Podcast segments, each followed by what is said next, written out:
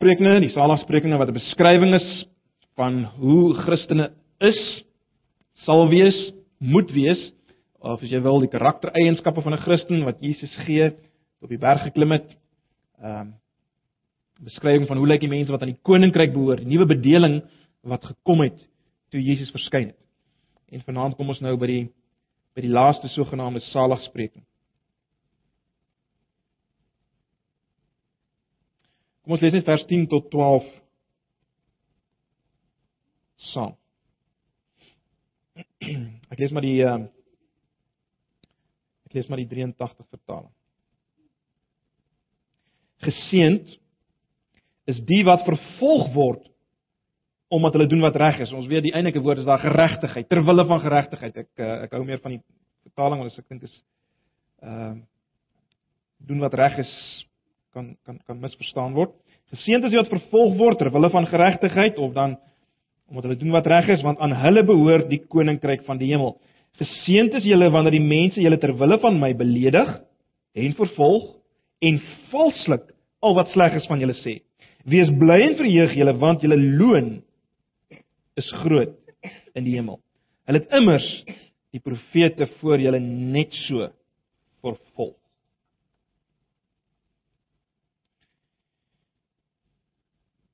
Nou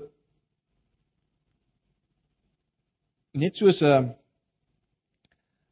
'n hond en by wyse van spreuke magteloos is om uh, om iets te doen teen die maan wat hy blaf. Hy kan blaf teen die maan, maar hy's magteloos om iets te doen teen daai maan. Die maan gaan nie weggaan nie. Hy kan nie iets doen aan daai maan nie.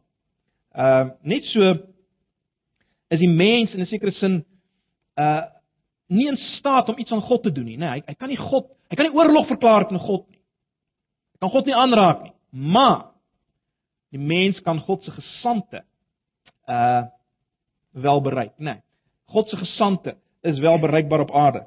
En en en dis die rede waarom die profete van God, soos Jesus dit self sê in Matteus 21, vers 33 tot 41 sê Jesus, uh al die profete is vervolg.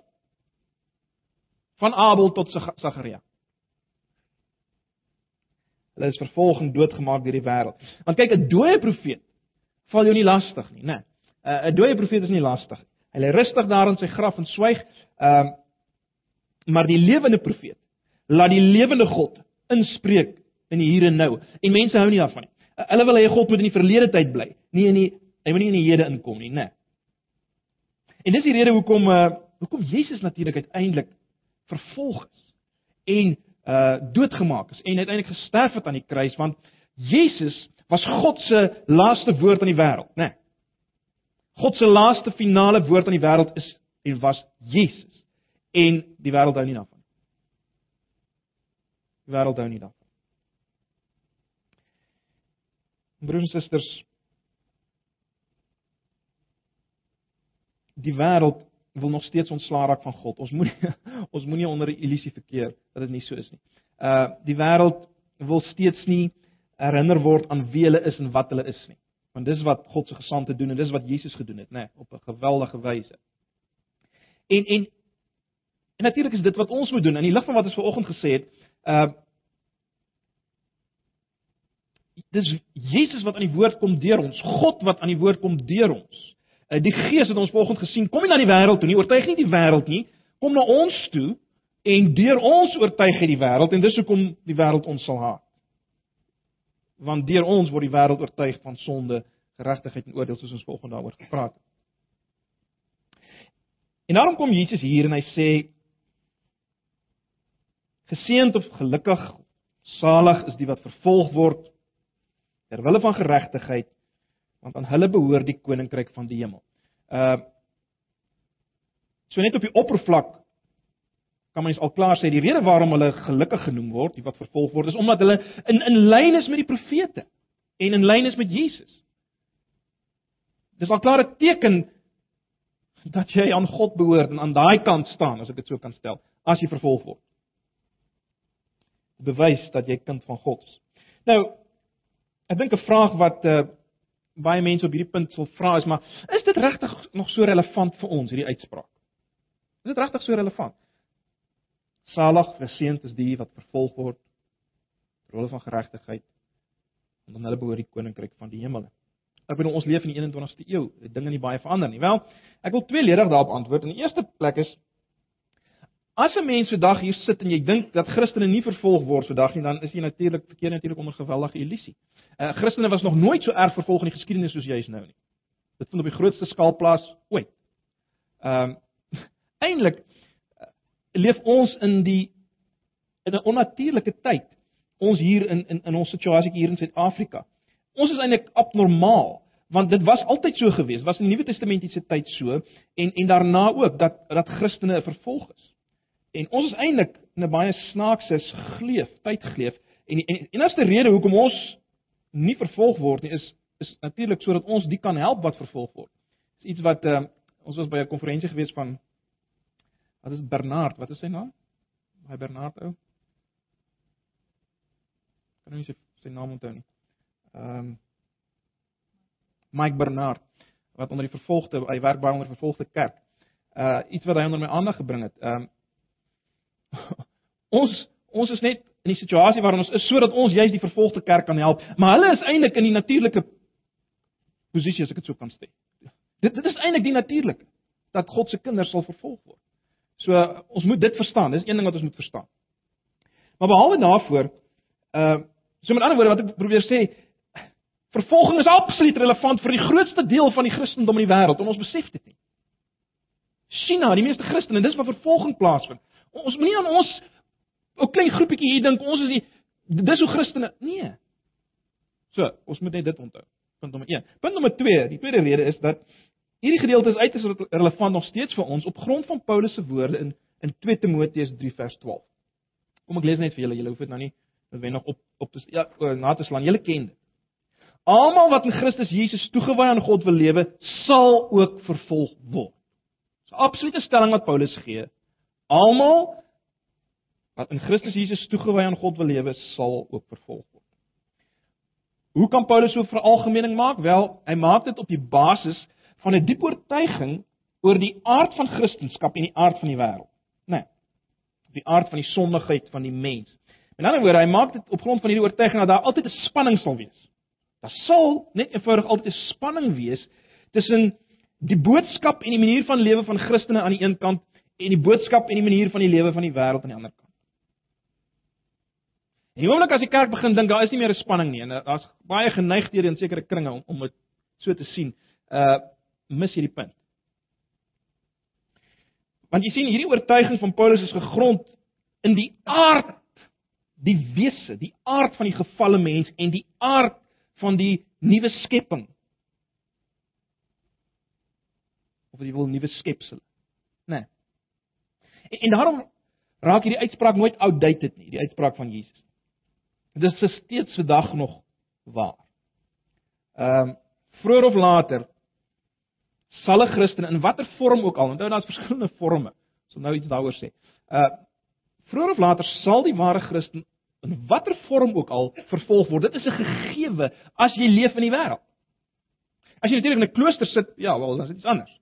Uh maar as jy leef in die wêreld soos jy moet in die wêreld leef, dan sal dit gebeur soos dit met Jesus gebeur het. Ek meen, ons ons gaan so ver om te sê, dis Jesus wat nou deur ons leef. O, ons moet in die lood moet in die wingerd bly. Hy leef sy lewe deur ons. Nou op aarde dink ons ons gaan dan nie teenkant in kry as Jesus deur ons leef. Ek dink ons uh, ons moet 'n bietjie net daaroor weer mediteer.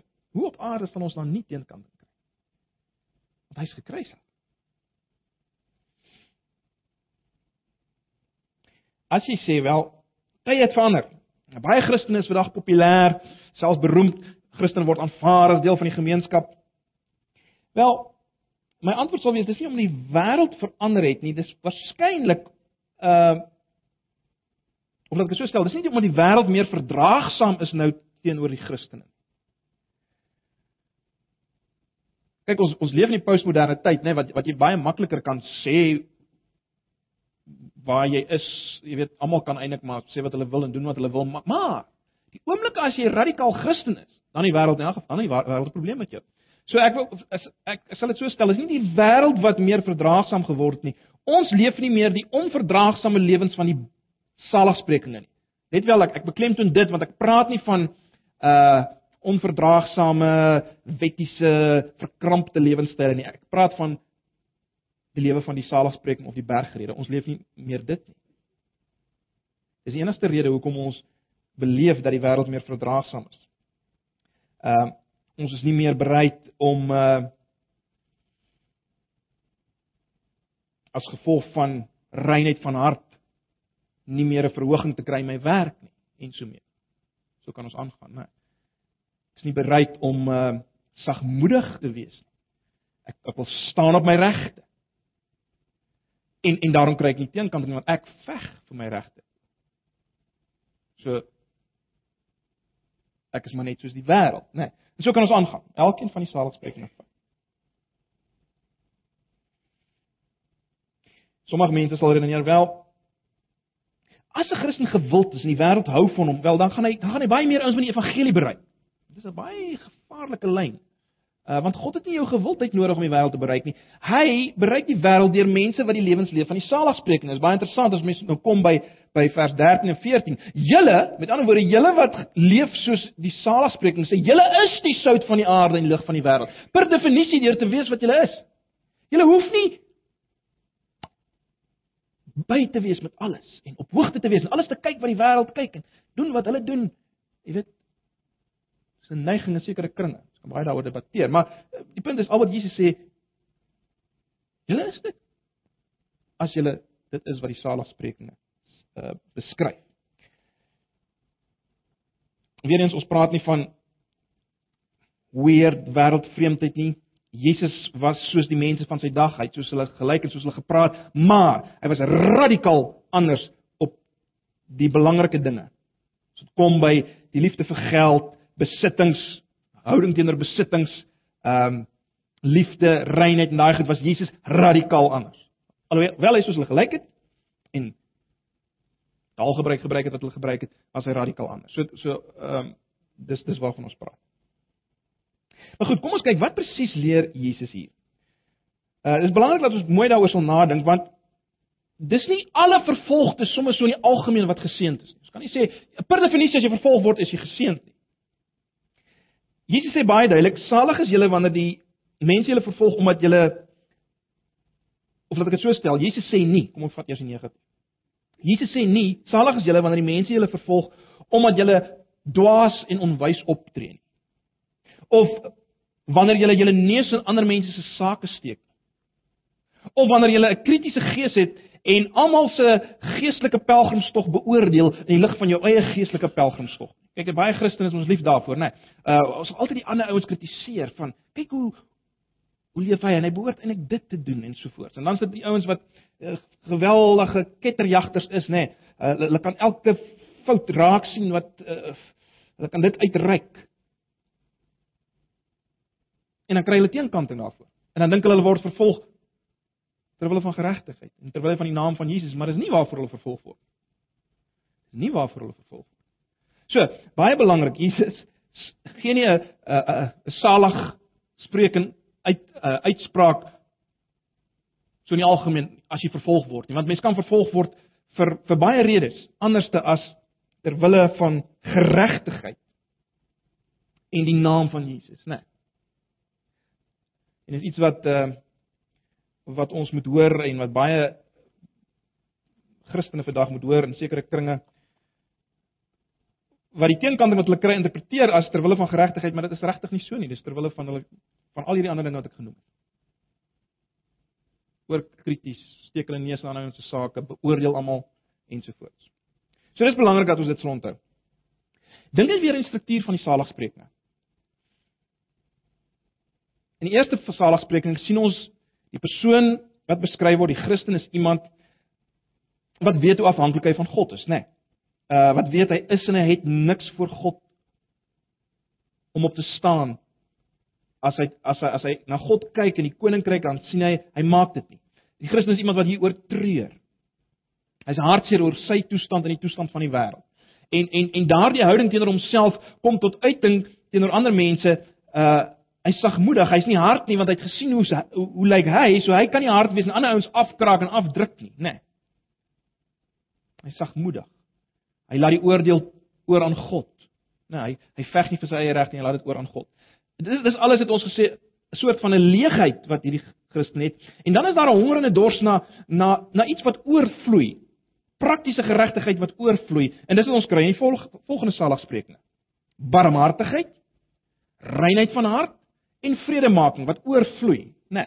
En ons het dit getoets ook aan die res van die van die bergrede en gesien, dis die geregtigheid uh, wat meer is, dis die geregtigheid wat die geregtigheid van die Fariseërs oortref, is juist dit. Uh, as ons na die regs res van die bergrede ook kyk, ten diepste is dit hierdie drie dinge: barmhartigheid, reinheid van hart en vredemaking. Dis die geregtigheid. En is dan as gevolg van hierdie geregtigheid wat ons vervolg word. So dis baie belangrik om dit te verstaan net uit die struktuur van die saligsprekinge self. Die geregtigheid waarvoor vervolg word, is hierdie geregtigheid, barmhartigheid, reinheid, vredemaking. Dis nie omdat ek stupid is of my neus aan nou in se sake steek of oorkrities is. Goed, so dis belangrik om dit dit te verstaan. 'n Ander manier om natuurlik hierdie geregtigheid te definieer is om na vers 11 te kyk, die parallel van vers 10 as Jesus sê, ehm um, ter wille van my of my naam, né? Nee, uh geseënd is julle wanneer die mense julle ter wille van my beledig en vervolg. Dis belangrik om dit raak te sien. Jy sien, ter wille van my. Nie omdat julle weird is of stupid is nie, ter wille van my.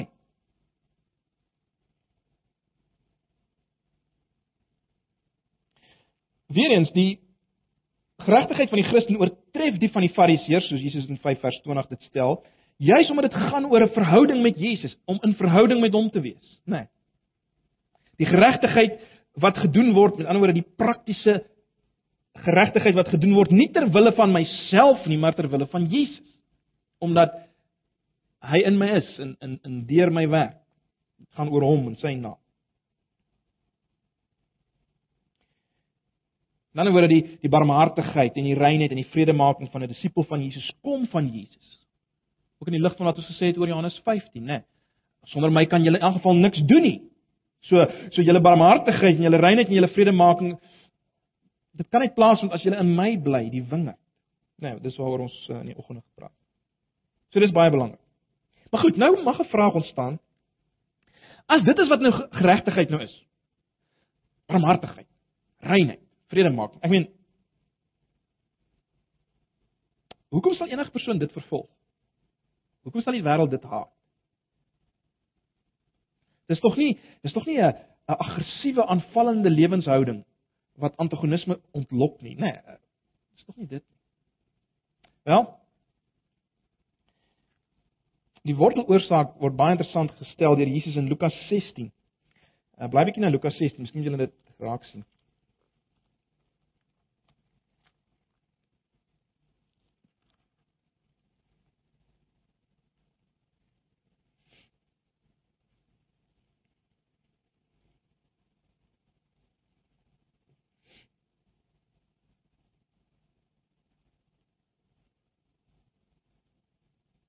Kom ons lees maar af van vers 13 af.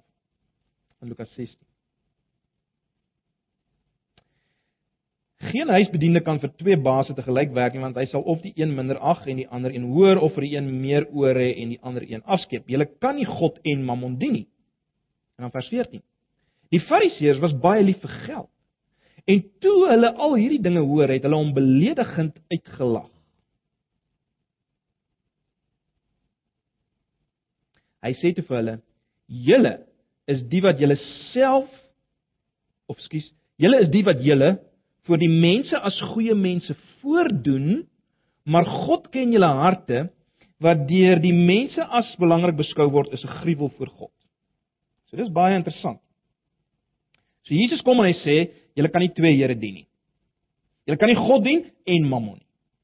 En dan kom daar bespotting, nê? Nee, dan dan lag hulle Jesus beledigend uit.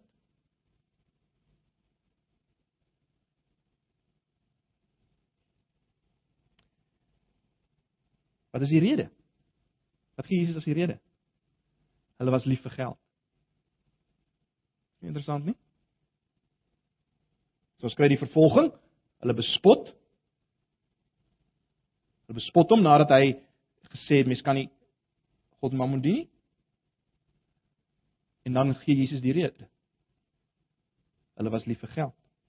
Die Fariseërs was baie lief vir geld of Lukas Lukas gee dit vir ons. So, met ander woorde, wat sien ons?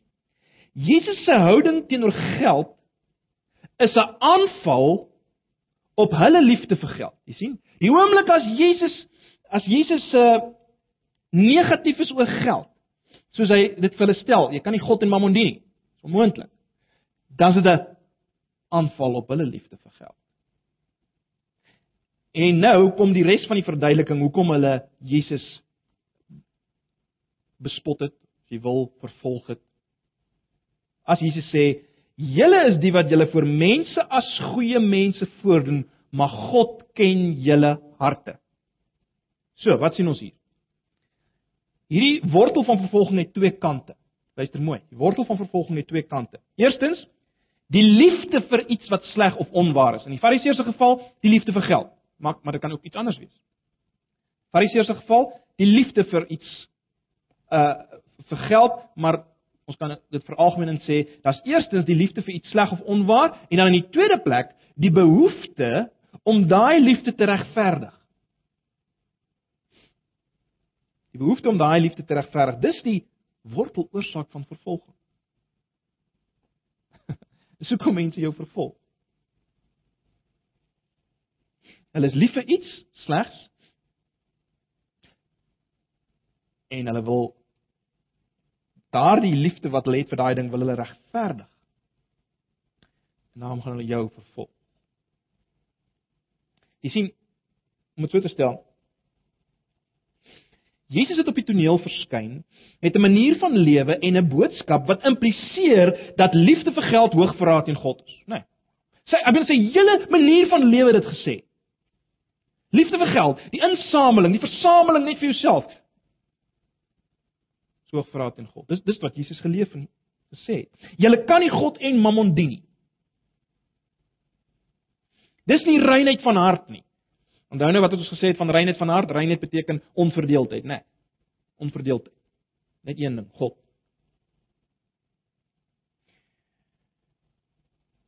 Jesus maak dit duidelik, dis essensieel. Maar dit het ingedryf teen die Fariseërs se liefde vir geld.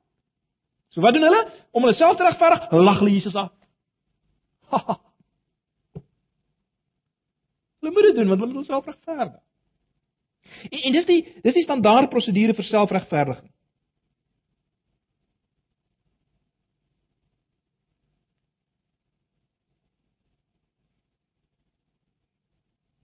En dis die wortel van vervolging. Jy sien?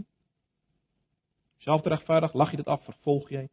Ehm um, dis die wortel van alle vervolging. So ek dink julle kan sien hoekom 'n lewe van toewyding aan geregtigheid uh vervolg sal word bespot sal word as gevolg van daai twee redes.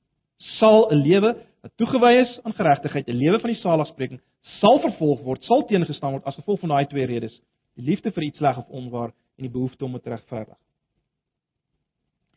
As jy reinheid koester, as jong mens ook reinheid koester, sal jou lewe 'n aanval wees op mense se liefde vir vrye seks. Sal jou jou lewe sal 'n aanval daarop wees. As jy soberheid omhels, sal jou lewe 'n stelling wees teen die liefde vir alkohol. En jy sal uitgedruk word. As jy self beheersing na jag, sal jou lewe aanstoot wees vir die wat hulle aan koste buite gaan. Jy sal aanstoot gee, hulle sal nie vir jou nie. As jy eenvoudig lewe en gelukkig is, wel, dan sal jy die dwaasheid van weelde ontbloot en mense sal nie daarvan hou nie. Hulle sal hulle liefde daarvoor moet regverdig. As jy nederig voor die Here leef, sal jy die boosheid van hoogmoed ont, ontbloot. Ehm um, as jy stiptelik en deeglik is in al jou transaksies, sal jy uh die minderwaardigheid van luiheid en en nalatigheid openbaar. En so kan ons aangaan. So kan ons aangaan. Dit is wat ons gesien het in die saligsprekinge, né? Uh ons het gesien dat elke saligspreking is is radikaal anders as die wêreld se standaard en manier van doen, né? Die wêreld kan nie dit hanteer as iemand arm van gees is nie. As iemand weet hoe afhanklik hy is nie, want die wêreld sê veg vir jou regte. Jy is 'n man. Nee, die wêreld kan nie iemand hanteer wat arm van gees is nie, wat afhanklik is. Die wêreld kan nie hanteer dat iemand treur oor sondigheid nie, want hulle wil sonde ignoreer. En hulle self oortuig dat dit reg is. So hulle kan dit hanteer nie. Ehm um, hulle klem op selfbevordering, uh ego-bevestiging en en liewe aarde as jy nou wil treur ook nog dan. Hulle kan dit nie hanteer. Uh sagmoedigheid is nie gewild. Werklike reinheid is nie die taal wat die wêreld praat nie en so kan ons aan. Ehm uh, ons het gesien as jy werklike vredemaker wil wees, uh maak dit jy maak dit jy uitgedruk word.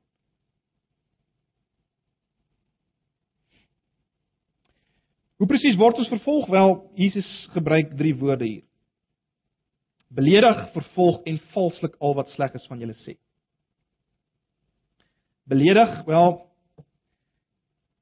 jy sal die voorwerp van skewe wenkbroue wees. Of jy sal verkeerdelik as wetties uitgemaak word. Kyk, daar is so iets soos soos verkeerde wettiesheid, nê? Nee, ons moet ons moet alles wat ons het daarvan wegbeweeg. Maar dit is ook so dat uh die wêreld hou daarvan om enige lewe wat lyk soos die van die saligspreking ook as wetties te beskryf. So dit sal voor ons deur gegooi word. Ons sal vervolg word. En letterlik beteken hierdie woord getuister word, nê. Nee, ehm um, Miskien nooit tot op die punt dat ons op die brandstapel gaan sterf nie. Alhoewel weer eens onthou baie Christene word op daardie manier vandag vervolg. Uiters relevant vir hulle. Maar vir ons kan dit wees mense wat uh, as jy die vertrek inkom dan loop hulle net by die vertrek uit. As jy inkom dan praat hulle agter hulle hand. Daai tipe ding. Dit mag beteken dat jy nooit bevordering kry nie. Maar dit alles kan 'n mens nog hanteer, né, in 'n sekere sin. Maar die ergste is, is as daar valslik dinge teen jou gesê word. Is dit nie so? As daar valslik dinge van jou gesê word. Kyk, ons ek dink nie een van ons vir omgee as mense van ons sleg gepraat omdat ons uh, vir Jesus staan nie.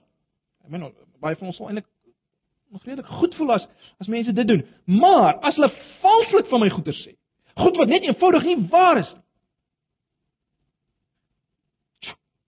dis iets anders, né? Nee, dan dan dan kom daar iets in my op. Dis nie waar nie. Hulle sê goed, maar Jesus sê dit gaan gebeur. Hulle sal valslik dinge van julle sê. dis wat Jesus sê. Hulle sal valslik van julle dinge sê. En dit is baie erg om jouself te verdedig oor iets wat jy nie gedoen het nie, né? Nee. Jy sal weet. Maar Jesus sê dit sal gebeur. Kom ek stel dit so. As ek en jy begeer om in al ons optrede en verhoudings die lewe van die saligspreking te leef, godvrugtig wil leef, is daar net twee reaksies van mense. Twee reaksies wat mense sal hê teenoor ons. Uh Hulle sal ons of vervolg of hulle sal tot bekering kom. Net die twee. Ek dink iets daarvan word in Johannes 3 vers 20 tot 21 miskien uitgelig. Dit is miskien nie so duidelik nie, maar kom ek lees dit maar net vir julle. Luister net na Johannes 3 vers 20 tot 21. Elkeen wat kwaad doen, haat immers die lig en kom nie na die lig toe nie, sodat sy dade nie aan die kaak gestel moet word. Dis die vervolging. Maar wie volgens die waarheid handel, kom na die lig toe sodat dit duidelik kan blyk dat sy dade in gehoorsaamheid aan God gedoen is. So ons sien iets miskien in in hierdie gedeelte. Hierdie twee kante, net die reaksie van mense teenoor ons, of vervolging of bekering. Ehm um, Maar nou, onmiddellik as mens dit sê, kan jy dalk sê maar kyk by my werk omstandighede waarin ek myself bevind ek is nou al lank leef ek daar as Christen en niemand met my nog vervolg nie en niemand nog tot bekering gekom dit mag dalk so wees wel as waarskynlik twee verduidelikinge voor in die eerste plek is dit moontlik dat dat jou dat jou lig onder 'n emmer is nê nee. dat jy ehm um, dat jy die struikelblok van die kruis verberg om die, om die woorde van Galasiërs te gebruik. Met ander woorde, jy jy jy laat nie regtig die kenmerke van 'n Christen wys nie. Jy is nie wat jy moet wees nie. Dis die een moontlikheid. Die ander moontlikheid is dat dat jy wel ehm um, die lig van vanoggend Jesus sentraal maak uh, in alles dat jou lewe die lewe van die saligspreking openbaar. Ehm um, jy sagmoedig, jy druk nie jouself af nie. Daar's barmhartigheid. Jy's 'n vredemaker by die werk. In ander woorde, die ander moontlikheid is uh jy leef so. Maar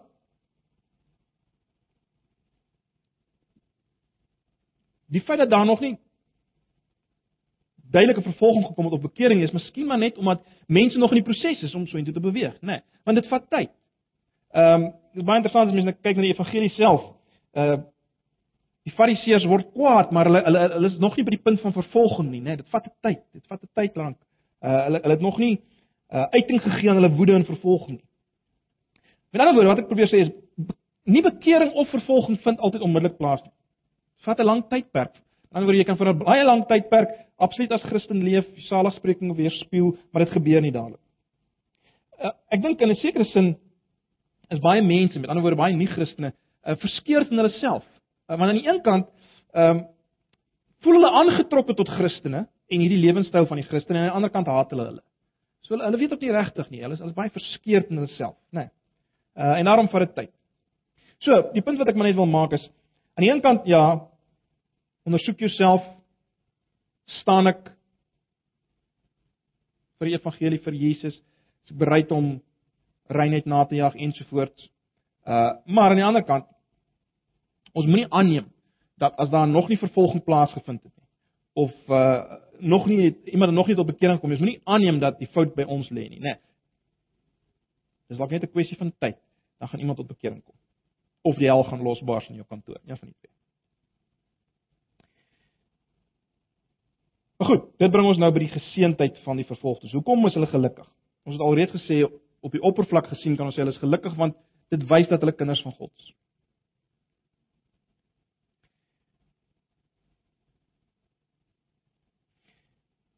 Maar ek dink tog hier's nog meer, né? Nee, kom ons kyk net weer na hoe die Jesus, Jesus dit stel.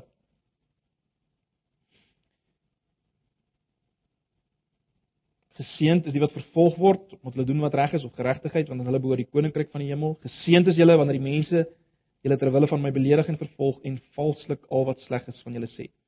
Wees bly en verheug want julle loon is groot in die hemel. Wees bly en verheug. Dis 'n geweldige uitspraak, is dit nie? Ek meen as mens as mens nigter daarna kyk, dit is 'n skokkende stukkie raad. Hoe op aarde kan jy mense amper beveel om bly te wees? Dis wat Jesus doen, is dit nie? Wees bly en verheug want wees bly. Verheug julle, is 'n opdrag amper. Bevel. As hulle julle vervolg, as julle gehaat word, gespot word, onthou net Jesus het definitief die dood in gedagte gehad. Ehm um, Dis presies wat met die disippels gebeur het. Almal van hulle op die ou end, hulle is doodgemaak. So dis waaroor dit gaan en Jesus sê: "Wees bly." Dis dis geweldige raad. Hoe hoe kan hy dit hoe kan hy dit doen? Ek dink mense kan sê dat daar is twee moontlikhede. Hoekom iemand dit, dit kan regverdig, sulke raad kan regverdig as ek dit so kan stel. En een een rede kan wees dat of dis dis praatjies van 'n totale onsensitiewe ivoortoring teoloog uh, wat nie geweet het waar die lewe gaan nie, wat pyn is nie ensovoorts. Dit dit is of dit of ons het hier te doen met iemand wat iets gesmaak het van 'n realiteit wat baie min van ons van weet. Dis net daai twee redes. Net daai twee moontlikhede. Soos of 'n ou wat nie weet waarvan hy praat nie, of is iemand wat iets gesmaak het van 'n realiteit waarvan ek en jy bitter min weet. Ons moet onthou dis Jesus wat praat. Ehm um, dis nie 'n pastorale groentjie wat hier praat nie, iemand wat uh inbars by 'n huis waar daar sterfte is en sê prys die Here, Dis nie hoe Jesus was nie.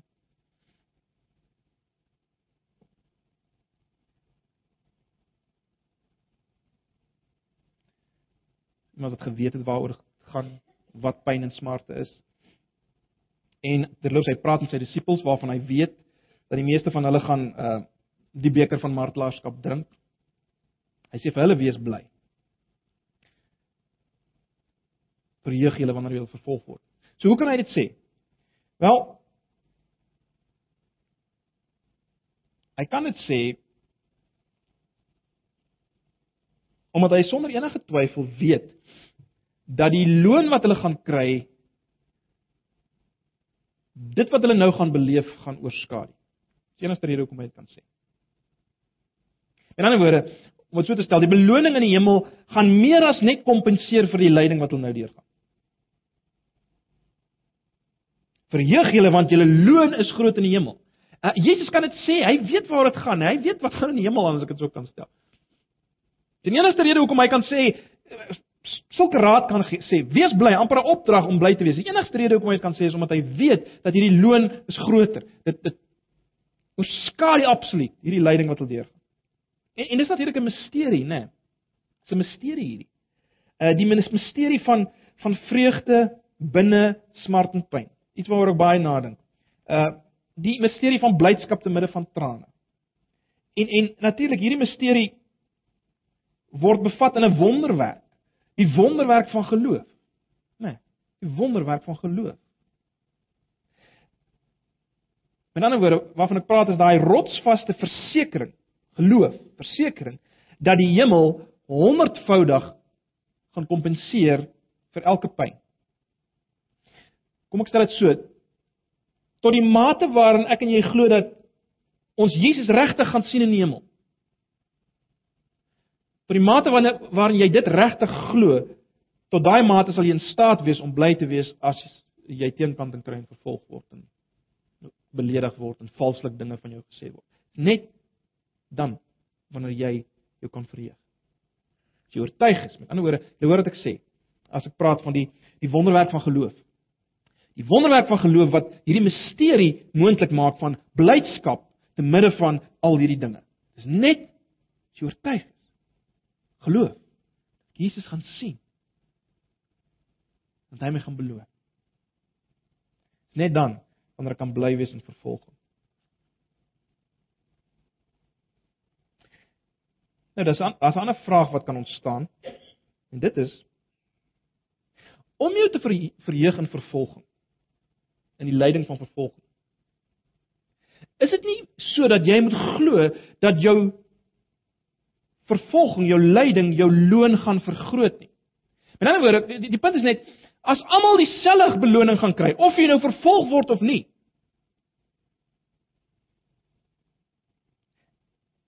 Is daar dan nie 'n totale sinneloosheid in lyding?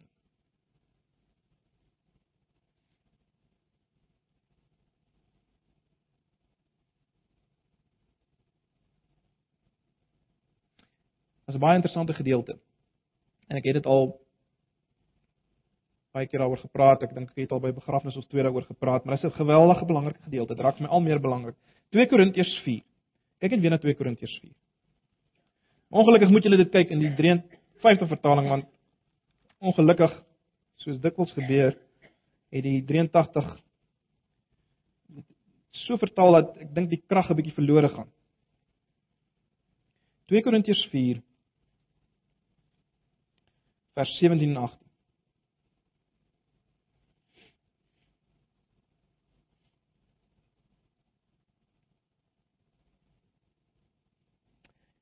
Paulus sê vers 17, kom ek lees dit vir julle in die 53 vertaling, want ons ligte verdrukking.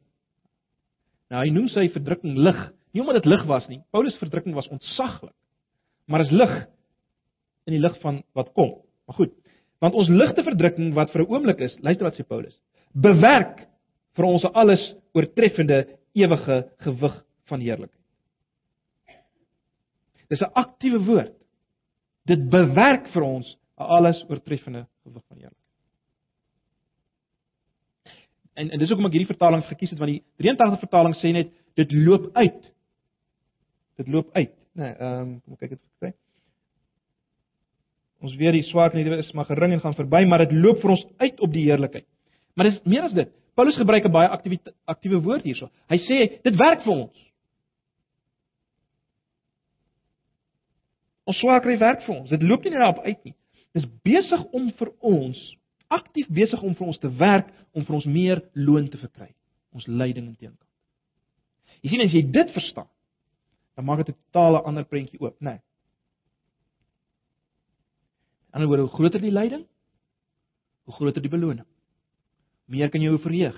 En as jy gaan kyk na die geskiedenis, na baie van die martelare, ek kan nou 'n klomp voorbeelde hier noem, maar uh, los dit maar, maar uh, baie van hulle dit verstaan.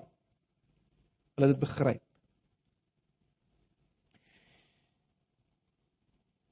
Kom ek sluit af deur een duidelike implikasie te beklemtoon. Jesus wil hê dat sy disippels 'n groter be begeerte moet hê na die beloning in die hemel as die beloning wat die wêreld gee. Ek dink dis die punt wat ons moet raak sien. Jesus wil hê dat sy disippels moet 'n groter begeerte hê na die beloning in die hemel as die beloning wat die wêreld kan gee. Want jy sien dis dikwels ons probleem, né? Nee. Ons glo nie dit nie. So daarom leef ons nie radikaal nie, word ons nie vervolg nie want die wêreld kan vir ons groter beloning gee. Jesus wil hê ons skatte moenie op die aarde wees nie, maar in die hemel. Julle weet dis wat waaroor hy praat in hoofstuk 6 vers 19 en 20. Met ander woorde Jesus wil hê ons ons moet so ons harte moet so gerig wees op die hemel dat om die aarde te verlaat moet vir jou vreugde wees. Natuurlik nie sonder trane nie. Ons ons praat nie hier van totaal uh onnatuurlike dinge nie. Natuurlik nie sonder trane nie. Uh, ek meen as ons net kyk na Jesus self, nee, Jesus het deur bloedsweet gegaan. Alhoewel hy geweet het van die heerlikheid wat wag in sy Vader se se huis en die troon al die dinge, het bloedsweet. Vader, as dit moontlik is, laat hierdie beker by my verbygaan. So ons praat nie van ligtelik dat daar nie sal trane wees en smart in die nee. Maar vir die vreugde wat voor lê het uit die smart te verdra, nê. Uh vreugde in die smart. Kom ek stel dit anders. Jesus wil hê ons ons nie net ons skatte moet in die hemel wees nie, hy wil hê ons harte moet in die hemel wees. En dan sal ons skat in die hemel wees, né? Ons hoop moet daar wees, ons vreugde moet daar wees. Maar daar's geen ander manier. Daar's geen ander manier waarop jy sal bly wees oor jou verlies op aarde. As dit nie so is dat jou hart daar is, en as jou met ander woorde jou skat daar is. Jy sal nooit kan bly wees dat jou dinge hier op aarde weggevat word. As jy nie die hemel meer liefhet nie, dis dit dit dit dit sal net nie so wees. Dit sal net nie so wees nie. So broers en susters, ons moet onsself dissiplineer om ons harte daar te hou. Dis die uitdaging, né? Nee, dis die uitdaging. Ons harte regtig daar te hou. Ons te dissiplineer om gereeld uh ook te dink aan die wat voor ons was en en die pad gestap het. Gaan lees maar net Hebreërs. Hebreërs 11 is 'n goeie hoofstuk om te lees en te bedink, né? Nee, kyk nou hoe het hierdie ouens gedink. Uh ons lees dan Hebreërs 11 byvoorbeeld dat hulle uh hulle die lyding van Christus was vir hulle meer werd as die skatte van Egipte, die lyding vir Christus, né? Nee. Gaan lees met weer daai gedeeltes.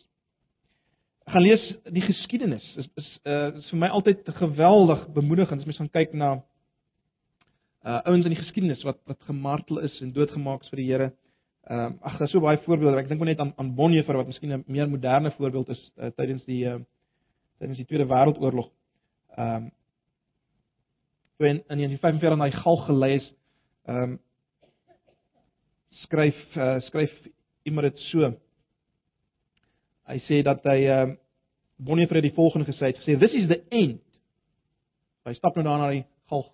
Hy's gehang vir verraad teen Duitsland. Ehm um, en Bonhoeffer het gesê this is the end for me the beginning of life. En Bonhoeffer was 'n ontsettend briljante man geweest, hoor. So hy sê dit nie in dwaasheid omdat hy nie geweet hy presies geweet wat wag. Sê this is the end for me the beginning of life. 10 jaar later het sy kampdokter uh, sy kampdokter die volgende geskryf. Uh, ja wat in in die kamp was waar Bonhoeffer aangehou is. Hy sê at the place of execution he again said a short prayer and then climbed the steps to the gallows, brave and composed.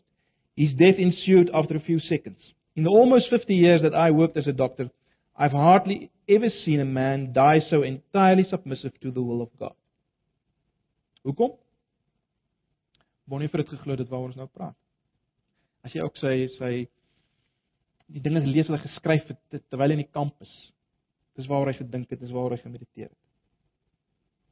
Ek dink onmiddellik aan Openbaring 2 vers 10. Vrees vir niks wat jy sal ly nie. Kyk, die duiwel gaan sommige van julle in die gevangenis werp sodat julle op die proef gestel word en julle sal 10 dae lank verdrukking hê. Wees getrou tot die dood toe en ek sal julle die kroon van die lewe gee. Ek sal julle die kroon van die lewe gee. Ek sluit af met 'n aanhaling van Jim Elliot. Hy het dit so gestel. Hy het gesê he uh, Jim Elliot terloops uh, ek weet nie of julle weet nie. Jim Elliot is is uh, het gesterf daar nie gewerk onder 'n onbereikte volk daar in die Amazone en hulle is almal met spiese doodgesteek, hele groep sendelinge wat uh, uiteindelik met hulle wil kontak maak. So dis Jim Elliot uh, en hy het die volgende gesê, hy het gesê he is no fool who gives what he cannot keep to gain what he cannot lose. He is no fool who gives what he cannot keep to gain what he cannot lose. Met ander woorde, jy is nie 'n dwaas as jy uh dit gee wat jy nie kan vashou nie en dis jou lewe. Jy's nie 'n dwaas as jy dit gee wat jy nie kan vashou nie, naamlik jou lewe om te wen wat jy nie kan verloor nie, naamlik die ewige lewe. En dit wat daarmee saam. Dit het Jim Elliot gesê. En dan as jy nog dink wel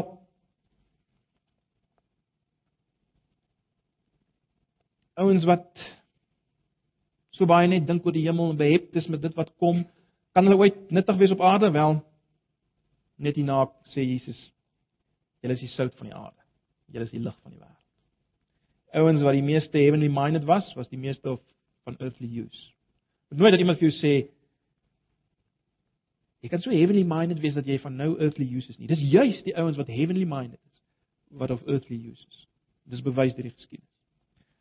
So, mense, dit is die dis die saligsprekinge. Ehm um, Ag my gebed is maar dat elkeen van ons dit maar net weer en weer sal bedink, sal weer bid. Ehm um, geweldige gedeelte. Kom ons sluit net af met 'n gebed. As daar nog enige vrae is of opmerkings dan kan julle dit dan dan vra. Kom ons sluit net af. Ag Here, baie dankie vir hierdie paar geleenthede wat ons kon stil staan by die saligsprekinge. Al was ons net 'n paar. Dankie vir hierdie ontsaglike gedeelte. Here, ek wil bid dat iemand net deur die Gees ons gedurig hieraan sal herinner, sal terugroep ook hierheen. Asseblief. Tot eer van U naam verheerliking van Uself. Asseblief, Here Jesus. Ons vra dit in Jesus se naam. Amen. Goed, julle, dit was aan ons laaste Sondag aand vir die jaar. Ons sal maar volgende jaar sal ons maar weer 'n bietjie besin oor die Sondag aande of dit nog ehm um, relevant is om aan te gaan daarmee, watter vorm en so aan. Maar vir hierdie jaar is dit dan nou eers dit. Weet nie of daar enige vrae of iets is nog nie. Anders kan ons gaan tee drink.